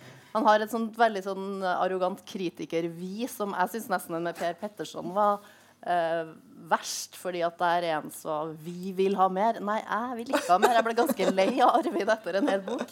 Så jeg syns det er noe med Det, det syns jeg var Ja. Men for så vidt en, en, fin inngang til å mm, lese bøkene da, og sjekke hva, hva, hva er det egentlig han, han har sett her. Uh, men um, det jeg syns med Vigdis Hjort sitt uh, prosjekt, som jeg synes er som jeg liker godt, det er nettopp den her. Det er mer en undersøkelse av det å være et politisk menneske. Eh, og så går det kanskje på bekostning av at du ikke Man borer ikke så djupt i karakteren. Eh, man borer ikke så djupt i relasjonene. Eh, det her privatlivet hennes blir jo Det, det er liksom sjablongaktig, det hele. Men, eh, men jeg syns likevel det får fram en sånn det å ha en politisk bevissthet som et sånn type eksistensielt prosjekt, da, som kommer fram både ved at det ironiseres over det, men også at det ligger et sånt alvor i det. da. Eh, jeg syns den dobbeltheten uh, synes jeg er, er godt, uh, godt, gjennomført i, i, boka. Og så ser man jo selvfølgelig at den er, har en mye mindre sånn språklig dybde, hvis man kan si det, enn en, Per Petterson uh, sin bok. Men jeg, jeg, fikk meg litt til å tenke på uh, min uh, spesialperiode, fransk 1700-tall, og de to vennene og fiendene Voltaire og Jean-Jacques Rousseau. Og et sånt kjent sitat fra Voltaire, som var da opplysningsfilosof, og som eh, skrev så mye at det er fortsatt helt utrolig å tenke på at, at det gikk an å etterlate seg så mye i skrift. Eh, mens Rousseau kanskje var litt mer, eh, litt mer selektiv med hva han både skrev og utga. Eh, et kjent sitat fra Voltaire er Jean-Jacques Rousseau skriver for å skrive, mens jeg skriver for å handle. Og det er litt den følelsen jeg kan få med den her, at det er litt mer sånn Kom igjen. Det er et slags kampskrift litt. Mm. Um, og så kan man uh, like det eller ei.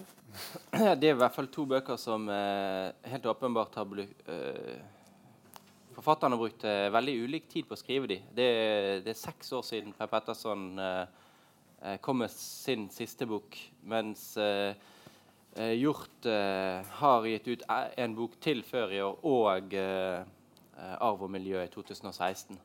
Og Du nevnte miljø. og, det, og på en måte Denne, denne foregår eh, første, altså april, og begynner i 10. april 2016. Og um, plottet eh, Altså, det tok ikke så veldig lang tid. Eh, en kunststudent skal filme en foreleser for å undersøke forholdet mellom undervisning og liv. OK. Um, hva er det egentlig som står på her? Altså, under, min, under, altså, jeg er også underviser. Skulle, altså, er det noen kunststudent skulle funnet på å filme meg for å se forholdet mellom undervisning og liv? Nja En forfatter, derimot, eh, som har skrevet en bok som heter 'Arv og miljø', og som har skapt utrolig mye eh, debatt eh, om den handler om liv og skrift. Forholdet mellom litteratur og liv. Vel, ja, det skjønner man jo eh, er interessant. Og at denne kunststudenten eh, her lager en film om en eh, foreleser, så begynner man jo med en gang å skjønne at her handler det om kunstneren som dokumenterer forholdet mellom liv og kunst. Liv og verk. Og eh, du synes på en måte det politiske prosjektet som du nevner, og tendenslitteraturen, så jeg eh, leser denne her mye mer som en eh, oppfølger, eller som jeg følger etter eh, Arv og miljø, hvor Hjort skriver om nettopp en karakter som i møte med kunsten, i møte med blikket utenfra, finner ut, og allerede helt fra begynnelsen av tenker Hvis kunsten får meg til å se meg sjøl på en ny måte, så må jeg endre meg sjøl. Hun er sympatisk innstilt til denne Hun er veldig redd for hva han kommer til å vise, men like fullt så vil hun gjennomføre det på grunn, som du leste i sted, ikke pga. alle andres dom, men pga. Eh, hvordan kommer dette til å, altså, Hvilken innsikt, hvilken erkjennelse får jeg om meg sjøl? Hjort skrev en bok hvor søsteren skriver en roman om eh, samme problematikk, tar opp et motsvar eh, i romanens form, som nettopp er det motsatte av det eh, denne karakteren gjør. Denne karakteren endrer seg selv, eller ønsker å endre sitt eget liv på bakgrunn av at hun ser seg sjøl på en ny måte. Mens det er gjort, eh, i hvert fall det er lett å lese inn i det, det er gjort eh, skrev når hun skrev frem eh, Av og miljø, er eh, oppfattet på helt motsatt. Altså de, Ingen av de hun kanskje eventuelt skrev eh, til, endret sine liv eller eh, endret seg i møte, fikk en ny oppfatning av seg sjøl. Mens Tage Bast bastet og bundet bøk og brecht. Det fører til endring da, allerede i begynnelsen. Og der er det jo helt klart at det er handling eh, og, og, politikk. Sant? Det er jo på en måte tendensdelen eh, med boken, og så det helt åpenbare liksom, kommenteringen og tenkingen over virkelighetslitteratur. Og der er det jo liksom Ja, er det en god refleksjon? Er dette, eh, altså, sånn, dette er jo en refleksjon som sier at kunstneren, altså forfatteren, har rett. Hvis du blir, eh, hvis du blir et offer for virkelig, eh, offer, hvis du blir uh, portrettert som virkelighetslitteratur, så bør du lytte, fordi at uh, forfatteren kan gi deg innsikter om deg sjøl. og det er jo det som på en måte det munner ut i. At denne Tage Bast har fanget livet til Lotte Bøck, og hun ser 'Herregud, jeg må endre meg sjøl'. Og det kan virkelighetslitteratur gjøre, men det gjorde det ikke i Hjorts eh, eget tilfelle. Så Derfor spiller boken på to forskjellige strenger. og jeg synes jo I motsetning til Kristoffer da, at det er så lett å undervurdere Hjort. Altså Det er så sykt lett å undervurdere. Sånn, hva er dette for en florlett prosa? Den bare flyter og flyter og flyter på et sånt mellomnivå. Eh, er dette liksom bare Er det liksom Mamma Mia og snekkerbukse? Eh, eller eh, er- lodder det dypere? Og, og det Hjort har hele tiden et, de siste ti årene, eller i hvert fall de siste etter eh, en del priser rundt Fra 2010 da, blitt tatt som en mye mer eh, alvor, altså en mye tyngre forfatter. Og det er klart at det er lett å la seg lure. Det er bare sånn florlette eh, Skrider frem så lett. Hun har sikkert skrevet veldig fort. sånn, Men så er det liksom hun kan, så Vigdis Hjorth kan ikke skrive dårlig. Hun kan bare skrive eh, hun kan, eh, Det går bare ikke an for henne. Og denne boken, tenker jeg, selv om den jeg ikke syns ikke den er så voldsomt eh, hva skal man si, dyptloddende, så er det i hvert fall mye mer enn det man med en gang eh, får inntrykk av. I hvert fall jeg fikk inntrykk av. Du har helt rett i det. Eh, Det er ikke noen eh, Det er jo en Det, det, det er åpenbart, åpenbart en smart roman. Eh, Det er bare at jeg, jeg klarte ikke å engasjere meg i det. Eh, det jeg syns det er litt for mye overflate. Det er, litt for, altså, det er greit at det skal være overflatiske karakterer, overflatisk univers, alle disse bipersonene osv., men jeg syns det ble litt, det ble litt masete. Det er så sykt pinlig. Det er jo det. Ja, men Altså- jeg, jeg syns ikke, ikke, det var jeg synes ikke det var godt å lese. Altså. Ikke det var Nei, det var forferdelig å lese. Altså, Lotte Bøk som blir filmet. Blir filmet, Se for deg Lotte Bøk, sant? denne litt eksentriske damen, blir filmet av Tage Bast. Så skal hun liksom, vise frem livet sitt, som hun selvfølgelig jo ikke gjør. Eh, og så lager hun piknikkurv. Siden hun nekter at han skal være med hjem, så skal de gå ned Så setter hun seg med da den gode flasken med Bordeaux langs elven. Og så sitter hun der, og du bare skjønner jo hvordan dette kommer til å komme ut på det kameraet. Han skal finne forholdet mellom undervisning og liv. Så sitter hun på sånne tepper teppe og drikker Bordeaux. Eh, og så begynner Det det- det er ytterst pinlig. Og likevel så florlett. Og så tenker du bare å nei, å nei. Altså, det er jo ikke noe god, go godt å lese det. Nei, Det er Det, det det er er intimitetstyranni. Det er jo noe med at hun, hun iscenesetter jo en sånn utrolig klisjéfull, hysterisk dame. Uh, og jeg tenker at, eh, at hvis det her hadde vært en mann i min situasjon, så hadde man ikke kommet og lest det på den måten. Så hadde man ikke lest prosjektet like banalt. da.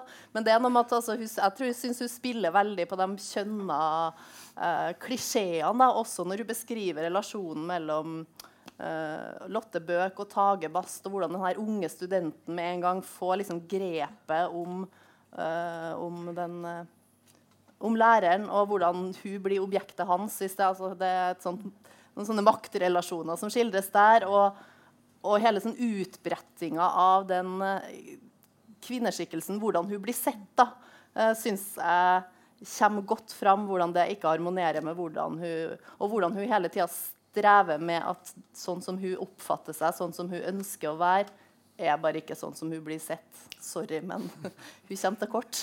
Eh, så, så jeg syns uh, eh, ja, jeg, jeg skulle ha likt å, å lest en jeg tror ikke, Man kan kan ikke skrive en sånn bok med en mannlig hovedperson, for da ville det ikke blitt, ville ikke blitt uh, det, Du ville ikke fått fram den samme liksom, sånn banaliteten som hun spiller på. Da. Det får jeg til fordi, fordi at det er en uh, dame, vil jeg si. nei, jeg, jeg, får- jeg, jeg, blir bare jeg blir ikke engasjert. Nei, nettopp. Det, Det er nettopp. Eh, men, eh, Men du det, blir men det har du engasjert i menn i min situasjon. Da blir du engasjert. Hva sa du? Du ble veldig engasjert i menn i min situasjon. Jeg blir ikke veldig engasjert, men jeg syns det er en uh, Altså begge handler om mennesker som er i, i sårbare situasjoner. Og der, der Hvis man skal sette de to ved siden av hverandre på det temaet, så syns jeg den lodder mye dypere. Eh, Men, ja. og, og også språklig. Eh, Men Vigdis Hjorth hun er jo liksom Woody Allen. Sant? Hun lodder dypt, produserer masse hele tiden, veldig fort. Har en sånn lun hu... Altså, hun eh, Ja. Du blir rett og slett ikke engasjert. ble du? Jeg ble veldig engasjert. Ble du? Men I, det var I lese så var det Ja, Var, det, var dette her en, en god roman? Liksom? Var det Men er det bra? eh, Vi kan godt holde igjen det litt til, men, men vi havner fort der. da. vi havner, hav, havner fort der. Men eh, eh, det er i hvert fall en veldig veldig eh, interessant bok, som tar eh, veldig mye av det som vi jobber med akkurat nå. Men det, selve, selve at den tar opp virkelighetslitteratur Men ja, nei altså, jeg, ja, La oss komme tilbake til om det er Vi kan, vi kan jo si, altså Det er jo en eh, da jeg begynte å lese den, dette er en variant av universitetsromanen. Eh, som vi ikke er så veldig bortskjemt med her i Norge, men som er en sånn, særlig britisk tradisjon. Eh, og som har veldig sånn klisjeer, og, og, og, som vi snakka om, den uh, ubehagelige kulturen. Uh, som jo spiller ut i veldig uh, her, Det er jo ikke en klisjéroman, sånn sett.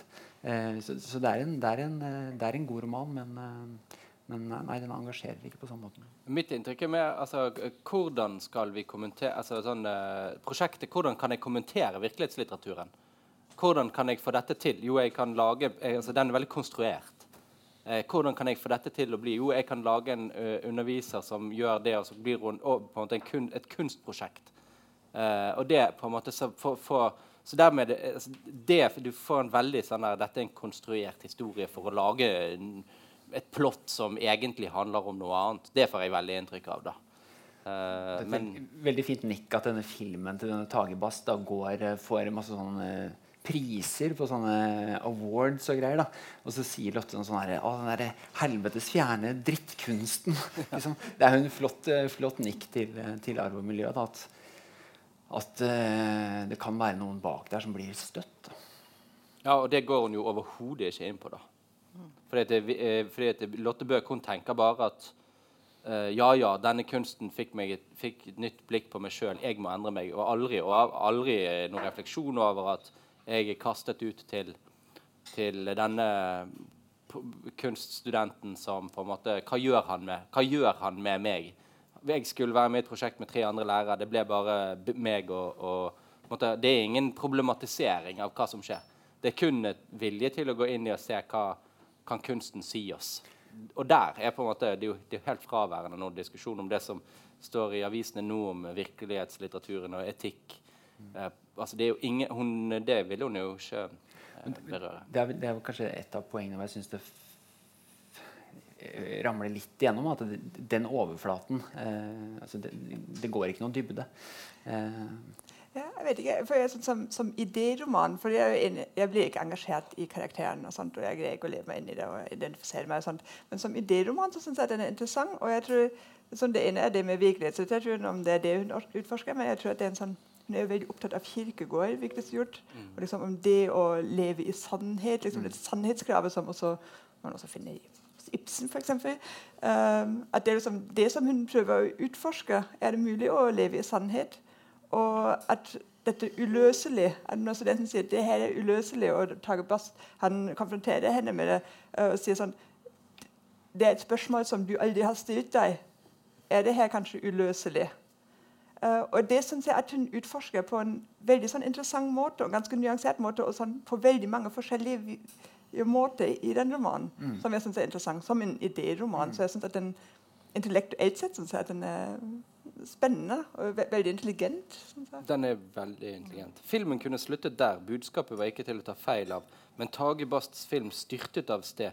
Det var som om den var laget spesielt for å gjøre Lotte vondt. Uh, og det er jo klart at uh, referansene her er uh, så, Men hun på, går videre. da. Han kommer inn på den brune puben hadde hun hadde besøkt første gang i sitt liv for seks dager siden. Og mellom klippene av henne i den slitte pubsofaen som han stadig kom nærmere, hadde han klippet inn bilder som viste at Lottebøk, som stadig prediket det moralske rette, brydde seg mer om sopp og ender og harer enn om mennesker, og særlig sine egne studenter, som hun ikke la merke til uansett hvor gråtkvalte de var. Kameraet nærmet seg henne i sofaen og zoomet inn først det tomme rødvinsglasset og deretter det halvfulle ved siden av, før hun kastet seg mot kamera. Filmens siste bilde, som ble stående på lerretet i en evighet, synes hun, var av hånden hennes mot kameralinsen. Hun ville løpe ut, for følelsen av å stå naken på torget var overveldende. Men lyset var kommet på. Folk klappet. Ikke høflig og pliktskyldende, hørte hun. De klappet begeistret. De reiste seg og klappet. Det var stående applaus. Altså, eh, det er vanskelig å si at det ikke er veldig bra skrevet. Eh, så håndverket er jo fabelaktig. Eh, men Petterson Petterson har kanskje alvoret, syns jeg, jo mye tydeligere. Begge er morsomme og, og er liksom, de er veldig elegante bøker. Men i Petterson så er det mye tyngre. Det er ikke, det er ikke noe konst... boken er åpenbart veldig veldig godt komponert og konstruert, men det har ikke dette liksom skinnet av en eh, Vi lager et, plott for å si noe annet. Her er det bare menn i min situasjon. Lik det, ikke lik det. Bryr meg ikke. Dette er min situasjon. Sånn er det jeg har det. Dette er mitt liv. Jeg heter Arvid Jansen. Eh,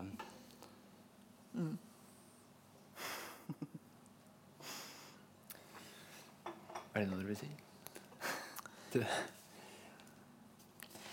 Vurderende så syns jeg, jeg synes jo at den P. Per Petterson-romanen den er jo jeg synes den er utrolig godt komponert. Du sa at du syns det er litt frifeldig, men jeg syns det er så fint med denne søndagen i september, ett år etter uh, Trudes utmarsj. Uh, jeg, uh, og liksom at det er en sånn gjennomgående den dagen, at vi får drypp fra den dagen.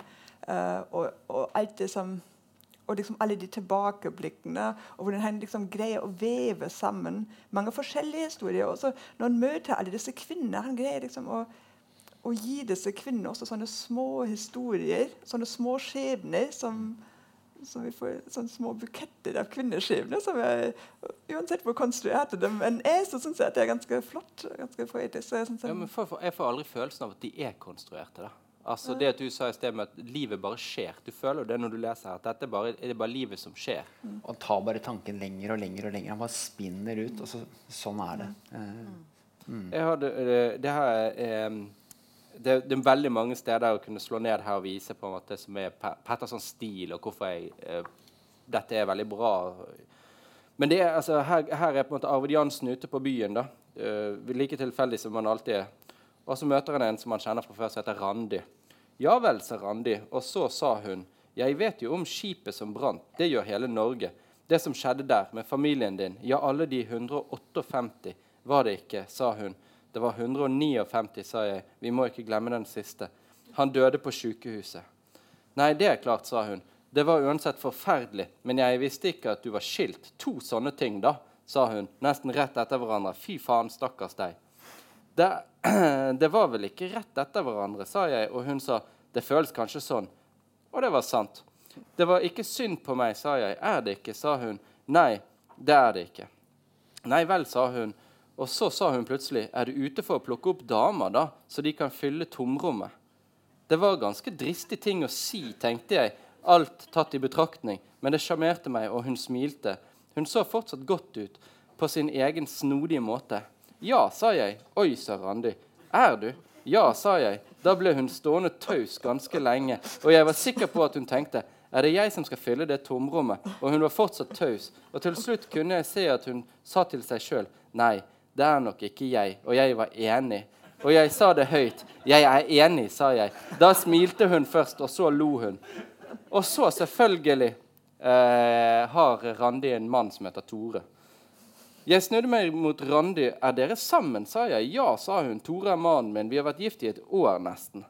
Da var det nok ikke det hun tenkte likevel, at hun kunne vært den som skulle fylle mine tomrom. Jeg hadde vært så sikker. Men uansett sa jeg, det var faen meg en nedtur. Og jeg snudde meg igjen for å gå. Jeg sa, 'Ha det, Randi. Se deg en annen gang.' Og på vei mot døren ble jeg dytta hardt i ryggen, og jeg falt framover. Men ikke helt ned på gulvet, det var for trangt, og jeg traff noens halvliter og fikk øl i håret. Og det var Tore, så klart. Da jeg snudde meg, han var enda høyere nå. Han sa, 'Kaptein Sortebil, du ligger under kona mi. Er det forstått?' Jeg dro hånda gjennom det skummende håret mitt og kom på en nabo jeg hadde som barn. To dører borte i rekkehuset. Han het Klausen med C. Han vasker håret sitt med en øl en gang i uka, med Bayer-øl. Det er B-vitaminene, pleide han å si. Jeg hadde ikke greid meg uten. Men høyt sa jeg, Randi er ikke min type, og kom meg samtidig opp fra knestående. Og jaså, sa Tore, hvorfor det? Hun er gift, sa jeg, med deg. Det er noe med smaken. Det ville aldri ha gått. Denne gangen gikk jeg i gulvet. Ja, det er eh, Forholdet mellom det at denne desperat altså, Han er ikke desperat, men han er hele tiden på grensen mellom å være desperat og er ute. Og sånne ting som dette skjer med han, mens du vet at når han går ut derfra med, med, med fått seg en på trynet, så er det, altså han, bare, han må bare fortsette å gå. Han finner ikke noe ro.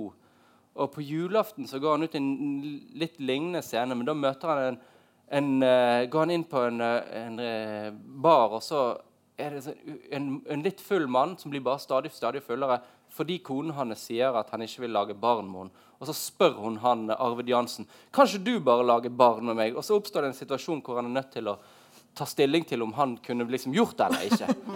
eh, og det er liksom det, det, det, er veldig, veldig mye humor, og så er det hele tiden det her voldsomme alvoret som ligger, som ligger under. Eh, og det, det, det, er rystende. Og Per Petterson har funnet ut eh, må være norsk eh, litteratur, så i hvert fall norsk samtidslitteratur, joets mester. Måten han bruker jo Det var jo det. Altså Joet hos Per Petterson det, det er en stilstudie verdt. Når vi går gjennom dem her nå så, og sammenligner dem litt, så sitter jeg og tenker at uh, den her er jo den uh, Nå er jeg over på om jeg er det bra. Er det greit? Ja, det er veldig greit for meg. den her var den som ga meg mest altså, Det var den beste leseropplevelsen. Altså, det var en sånn estetisk opplevelse nettopp fordi at språket er så det er så rikt, og det er så morsomt noen steder, og det lodder så dypt andre steder. Uh, og det gjør begge deler samtidig også. Um, så, så den, den, var veldig fin å lese. Samtidig, så litt sånn som du sa i stad, Tatjana, jeg tror sånn i ettertid så er det den her jeg vil huske. Den her er mer sånn eh, passert forbi. Den her var mer mat for tanken, faktisk. Hæ? Jeg tar dissens på det. eh, vil jeg nok gjøre. Men eh, Veldig fin passasje du leste opp. Eh, for det er en veldig hårfin som vi om i sted, hårfin eh, balanse mellom humor og Dette skjer på julaften. Altså, og, og, de havner jo i slåsskamp. De ligger i, i snøen der og, og, banker på hverandre helt til De skjønner at dette er ja, Hun har reist. Hun vil ha barn, hun har reist. Så de, til slutt så ser de seg rundt og sånn de, 'Hvorfor slåss vi?' Nei, jeg vet ikke. God jul. Eh, tar du den taxien, så tar jeg neste. Og så og så har de bare Ja. Men det er, det er, hele tiden denne, så denne sårheten som, som, gjør at jeg syns det er en mye større leseopplevelse. Eh, og et sted hvor det ikke er så veldig humoristisk, det er eh, altså Vi har snakka om at begge har et veldig altså Både Petterson og Hjort har et uh, veldig inngående forhold til litteraturhistorien. Um, gjort åpenbart sant? Med, med, det hun har skrevet om essayistisk om. Det har også Petterson gjort. Uh, og det er en, en, veldig fin referanse til John Steinbeck som jeg ikke klarte å unngå eh, å bli oppmerksom på. Eh, I 'Øst for Eden' så skriver Steinbeck eh, noe sånt som at eh, altså det, da barnet skjønner at det er smartere enn sine foreldre, skjer det, da, da, skjer det en, en, en, forrykkelse i den dynamikken. Og det er en sånn episode i, i, i denne boka her jeg tenkte jeg bare skulle lese, som, som jeg syns fanger opp det at Arvid skjønner at dattera er smartere. Eh, da har han henta, henta Vigdis, som er den eldste av døtrene. Og så har han eh, eh, han, heller, han, han, har en stor Famous Grouse eh, som han heller ut. Uh, og akkurat idet han har gjort det, så starter jeg å lese. Jeg skulle til å skru korken i den tomme flaska da Vigdis kom ut fra køyerommet de sov i alle tre, som de også hadde gjort hjemme på Bjølsen da de fortsatt kom i helgene. Hun så meg med en gang og skjønte hva jeg hadde gjort. Sa ingenting, men nikka svakt mens hun løfta blikket fra flaska, møtte blikket mitt, og akkurat da, i et lite blaff, blaff befant hun seg over meg. Var hun voksnere enn meg og hadde en oversikt og en innsikt som jeg ikke hadde. Det kunne ikke være sant. Det var ikke sant. Hun var ennå ikke 13 år, og likevel dro en følelse av skam og underlegenhet gjennom meg. Men resten av uka gikk bra, og jeg kunne ikke huske finere dager. Og Vigdis ble et barn igjen. Det var et sånt, sånt blaff der hvor, hvor, hvor, The Tables Turns. Som jeg syns er veldig fint. Så, så det, er, det, er, en dyp roman. Den er, den er morsom å lese, men, men, ikke uten at du ganske raskt stopper å le. Ja, en av de situasjonene jeg ikke ler, er nettopp det for, for, som far. da. Arvid Jansen som far. Og skilsmissen. Og bare Det fordi det ender med denne boken, eh, er jo at eh, moren, Turi, vil, få, uh, vil, at datteren skal legges inn på psykiatrisk avdeling som 16-åring. At Vigdis nå skal inn på psykiatrisk avdeling og gir oppgaven til Arvid å ta henne dit. Og da er, liksom, da er, det, da er det, veldig veldig mørkt. Uh, og der uh, kommer de inn på psykiatrisk avdeling, og hun som jobber der, og sykepleieren, uh, Da ser, ber de sette seg ned, og så ser de folk som står og dunker hodet i veggen. Og så spør hun spør hun, ja, er du sikker på dette. liksom? Vil du legge inn datteren din her? Og så tenker han nei, nei, det er jeg virkelig ikke sikker på. Jeg har ikke vært sikker på det i hele tatt. Og så sier hun det ville ikke jeg gjort. Um, og da tenker du liksom hva, hva, har, Datteren har ikke sagt noe. Du vet jo at hun har vokst opp med denne faren som har vært fraværende, og hele situasjonen, dette familieforholdet. Og så slutter det da i hvert fall i en viss sånn, De, de går ut derfra, legger, legger inn, går, skal videre til et annet sted, Hospital Oslo, og går ikke dit. Tar, tar en taxi med far og datter, holder hverandre i hånden. Fint øyeblikk, men hvor, hvor går det nå? Eh, hvor skal disse bevege seg?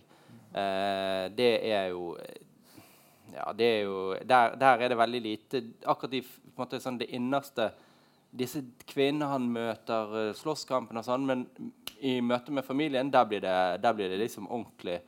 Eh, eksempel, når de kjører bil, så plutselig så de krangler. Han vet, han vet ikke hva han skal gjøre, og så drar han over med rattet, og så kjører de utfor. Mm.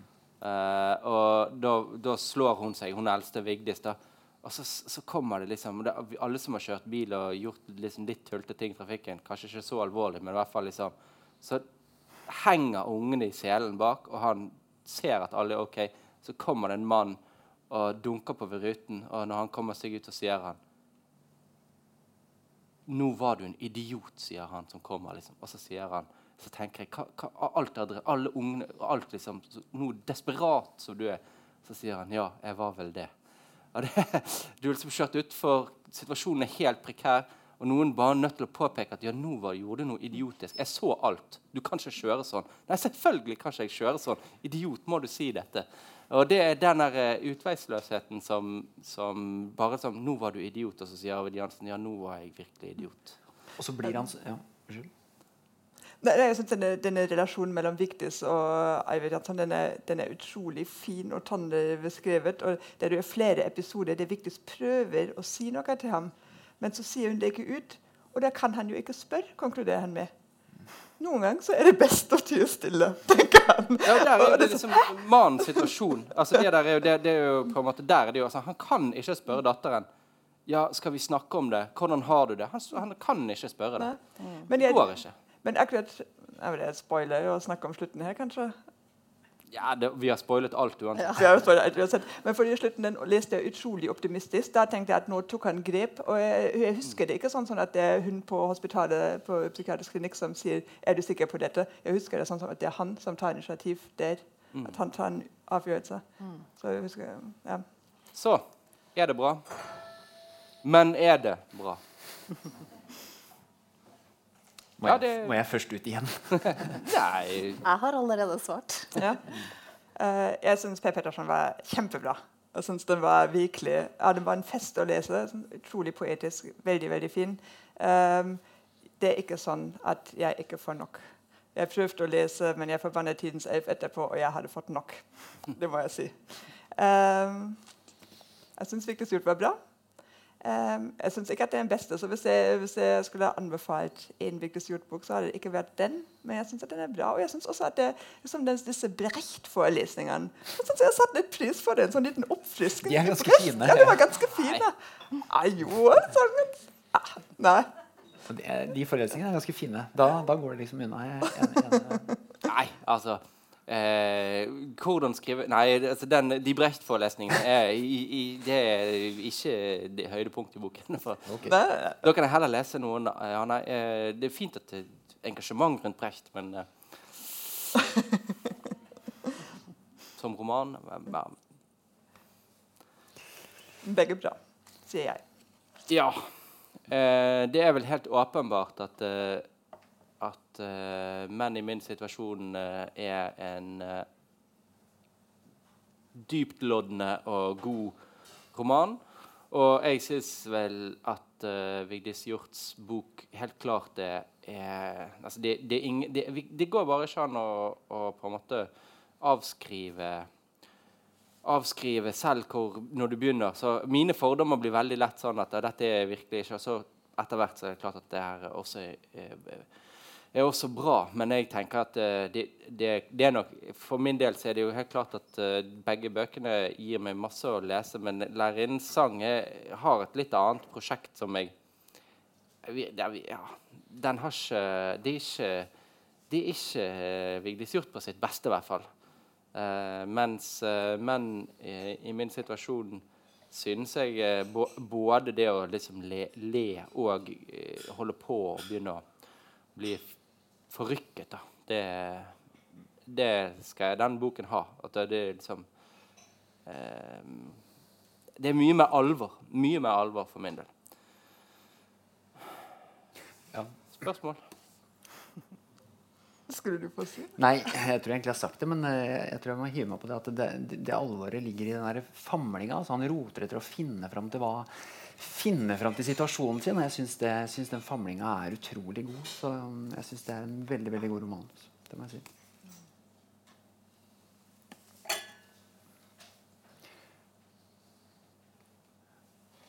Har vi svart på om det er bra? Nei. Ingen spørsmål? Da Ingen, ingen av dere har nevnt slutten på Vigdis Hjorts bok. Hva syns dere om den? Språklig, innholdsmessig altså, Den tida hun er i henne. Hørte du det? Mm, ja.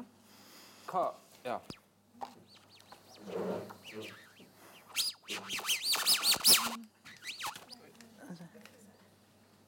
ja, jeg skal ta mine. Gjentar du spørsmålet? Hørte dere hva jeg spurte etter? Eh, eh, du kan gjerne gjenta det. Det var slutten på altså den tida Lotte er i Hellas. Hva syns dere om den eh, delen innholdsmessig og språklig? Hvis jeg kan starte innholdsmessig, så tenker jeg at det er um, ja, altså det, Jeg husker en sånn episode hvor det er en som kommer og viser fram på telefonen. Se på bildene her sånn. Nei, se på dette, se på dette. Og det tenker jeg er en sånn uh, fin, uh, fint bilde på hvor numne vi blir. da. Uh, og også sånn som Brecht at så lett glir det bare inn i Krig blir bare hverdagslig. så, så det, det syns jeg var et godt bilde. ja. Jeg, jeg tenkte sånn, for Hun er ganske tidlig i romanen at hun snakker om disse venninnene som drar til Hellas og hjelper til. Og sånt. Og så, sånn, og så stiller hun spørsmålstegn ved er det noe de gjør for å hjelpe, eller er det egentlig liksom, sånn selvrenselse. og Det er et veldig sånn egoistisk prosjekt som egentlig ligger i det. Og så drar hun jo, og så sorterer hun disse skoene i evighet, i mange mange måneder. Og alle andre drar videre etter en uke, så de må liksom gjennom den sorteringsjobben. Og så drar de til det ekte hjelpearbeidet, der de liksom hands on kan møte mennesker og virkelig hjelpe til. og ha dette, kanskje, jeg, jeg ser på det som sånn, hun et sånn kritisk, prosjekt, kritisk blikk på dette. Um, på det som et sånt selvrealiseringsprosjekt å dra til Hellas og være hjelpearbeider. Mens hun blir sittende og sortere disse skoene. Og jeg tenkte at hun ble litt sånn denne Katrin som slår på trommen i Brechts mm. 'Mutter Courage'. Der hun liksom gjør denne Jeg tror at det er det hun prøver å sikre til. Det er liksom At hun gjør en sånn liten ting, men at det også gjør en forskjell på en eller annen måte. Samtidig som det selvfølgelig også er et sånt selvrealiseringsprosjekt som driver med. Jeg vet ikke. Jeg syns jo den, den, slutten eh, er jo der, der, oppfyller hun jo det hun, hun sier også de her venninnene gjør, ved at hun kommer tilbake og tilsynelatende går inn igjen. Uh, så, så, jeg tenkte også at mye av det er at hun oppsøker en arena hvor hun ikke bruker språk. Mm. Eh, at hun sitter og ser på de her altså, At det er en sånn Hun er totalt språkløs, på en måte. Da. At det er en sånn krise knytta til ja. til den her, eh, det å være flink med ord som, som ja. løser seg sånn. Da. Ja, det sier Hun også. Hun løftet begrepene opp og studerte dem en uh, gang. Um, dem en gang og en gang til før hun bestemte seg om de skulle i kassen for brukbart. Altså, for hun, hun, har jo hele tiden også noe sånn hun reflekterer veldig mye over språk, og om språk er presis eller ikke. Og når hun er i Hellas, så har hun jo også en sånn refleksjon over at sånn, Hun vil liksom være i overensstemmelse med ordene. Uh, der, det, det, jeg eh, syns vel ikke den uh, alvorlige tematikken som er flyktning uh, mot Altså det å Jeg syns ikke den får en god behandling her overhodet. Jeg syns det er en veldig svak del av denne romanen. Men det som gjort, gjør et nummer her, det, det er jo en, en epigraf her av Wittgenstein. Eh, sånn, det er motto av Wittgenstein foran i boken, og det kommer opp et par referanser til Wittgenstein underveis, og hans språkfilosofi. Eh, og den seine språkfilosofien til Wittgenstein. Og det, eh, det som eh, Lotte Bøk sier, at når du skal endre deg selv, så må du endre på en måte språket ditt. Du må måtte finne et nytt språk å være i. Og det er vel det som på en måte skal komme til uttrykk her på slutten. Men den delen av romanen for min del synes jeg er ikke hø altså, som romanprosjekt så burde det vært et eh, jeg, jeg, jeg, kjøper ikke det her. Eh, det, har, det, at hun på en måte skal endre sitt liv og så reise dit og ta opp det temaet der, syns ikke det fungerer her uh, sånn. Verken språklig eller ja. Men sier ikke det noe om romanen i sin helhet? At det at det er litt overfladisk? Altså, skulle det plutselig her vært liksom fyllestgjort? Jeg syns det, altså, jeg synes, du bare sier noe om romanen i sin helhet? Jeg syns det er veldig snedig det der skomotivet. Da. Det er jo også bildet på utsida av boka av sko, og så er det vel motor courage der, da.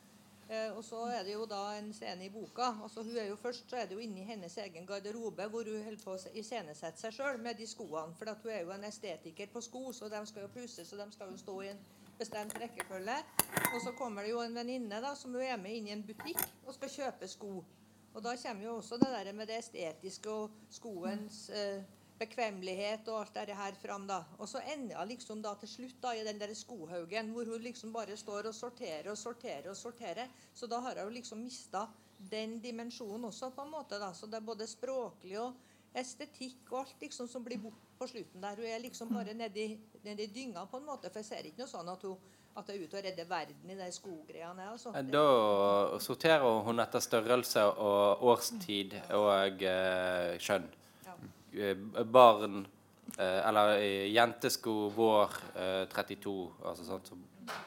Og ja, det Da er det jo et prosjekt som på en måte skal Hvem skal bruke skoene?